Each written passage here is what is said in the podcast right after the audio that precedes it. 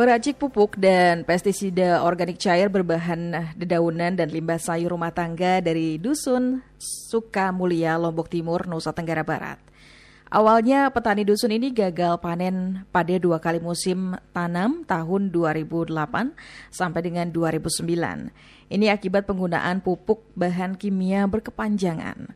Gagal panen padi antara lain dialami orang tua Badri yang memiliki 24 area sawah atau kurang dari seperempat hektar pada tahun 2008 sampai dengan 2009. Kegagalan panen terjadi akibat serangan ulat dan belalang. Badri yang saat ini berstatus mahasiswa jurusan biologi terdorong untuk mengatasi persoalan gagal panen pada uh, gagal panen padi maksudnya di desanya. Ia memilih cara bertanam organik. Mulai dari 2010, ia pun bereksperimen meracik pupuk organik cair atau POC. Racikan dari sampah organik ini seperti limbah sayur, kemudian juga ada daun pisang, daun mangga, daun lamtoro, dan sebagainya, sahabat kilat. Ini caranya ditumbuk hingga berbentuk ekstrak, lalu direndam dalam air selama satu minggu untuk proses fermentasi. Tujuannya untuk mengeluarkan unsur N, P, dan K dari ekstrak sampah organik tersebut. Sampai akhirnya pada tahun 2015 petani dari luar Pulau Lombok seperti Bali, Kalimantan Tengah, Kalimantan Timur, Papua, Blitar, Tuban, dan Sumbawa memesan POC. Nah, seperti apa perbincangan kita dengan Badri Aranta? Kita simak selengkapnya dalam In Spite Of untuk edisi kali ini.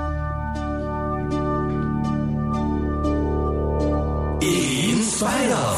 In spite of. Halo, selamat pagi. Halo, pagi dulu Mbak. selamat pagi, saya manggilnya Abang kayaknya ya, Bang Badri ya. Iya, nggak apa-apa. Oke, Bang Badri apa kabar nih?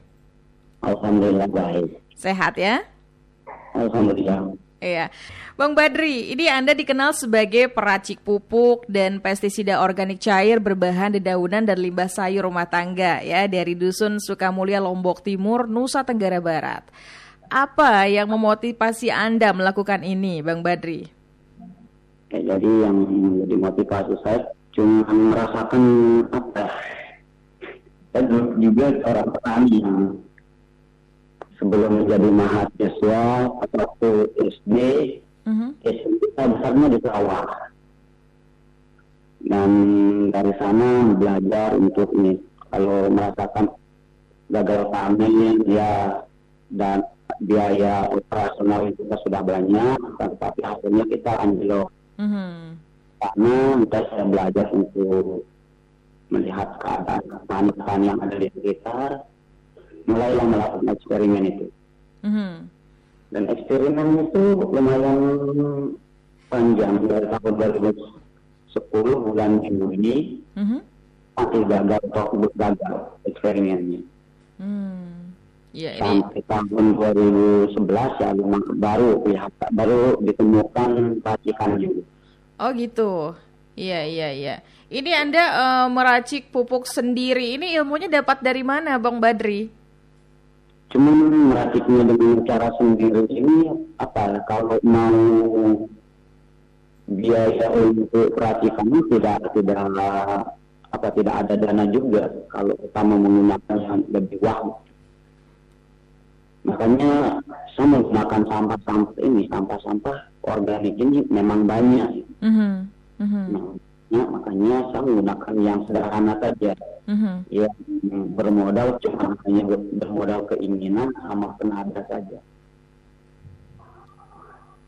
jadi dalam prosesnya itu ditumbuk, ditumbuk setelah ditumbuk ya direndam satu minggu mm-hmm. tanpa campuran ini itu satu minggunya itu disaring. Jadi POC-nya dipakai untuk penyemprotan, mm-hmm. terus sisa dari penyaringan itu komposnya mm-hmm. langsung bur ke okay. di tanah. Uh-huh. Bang Badri, sejauh ini bagaimana dampaknya untuk tanaman yang menggunakan pupuk hasil kreasi Anda?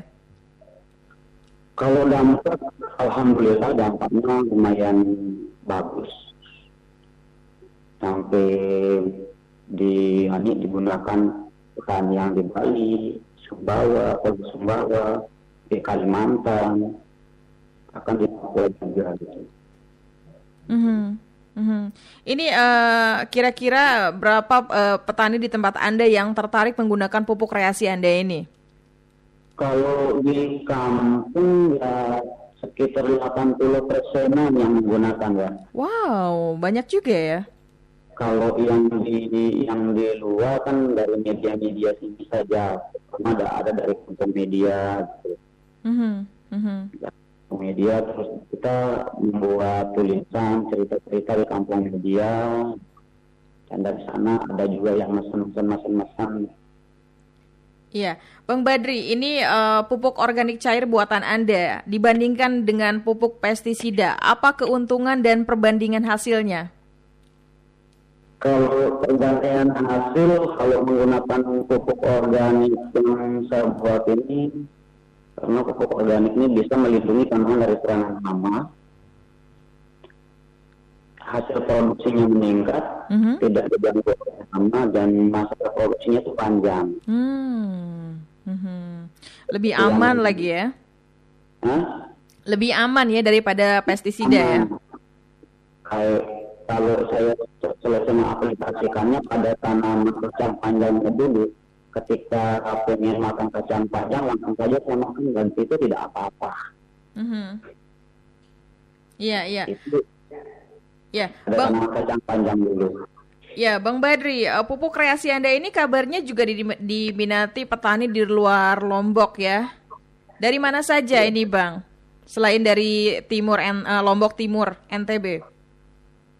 Di dari Bali, Mhm. dari Bali kita cuma melakukan uji coba saja sebenarnya di sana.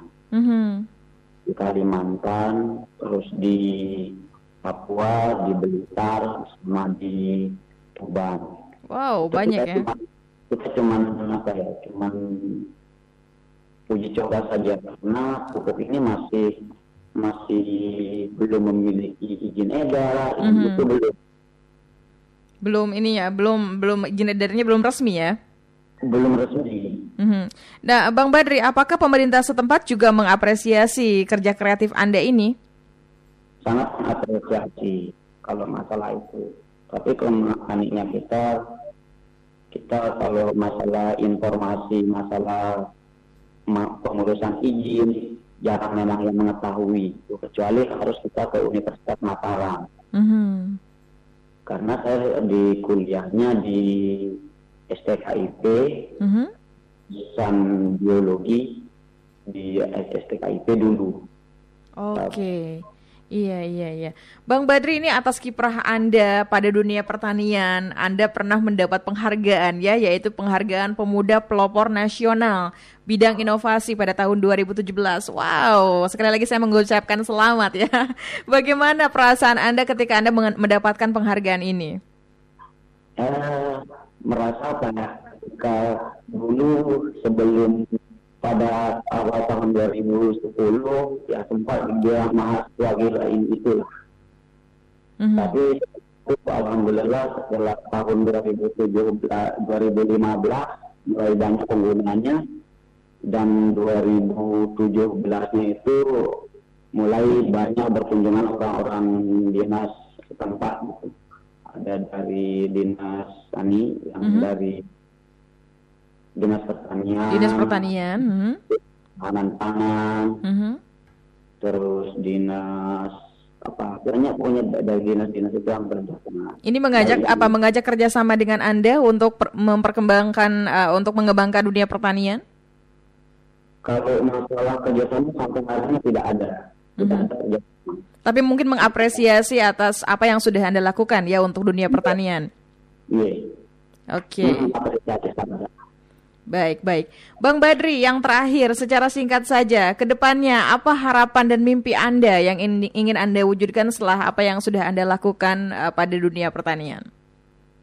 cuman ingin ini ya pupuk ini karena ini adalah kita buat dari sampah saya ingin membuat suatu suatu ini rumah produksi yang lumayan untuk bisa menampung teman-teman yang tidak bisa bekerja di kampung halaman saya di dusun Sukamulia di Sepong Gading Timur kecamatan Paling Kebaya ini Mhm.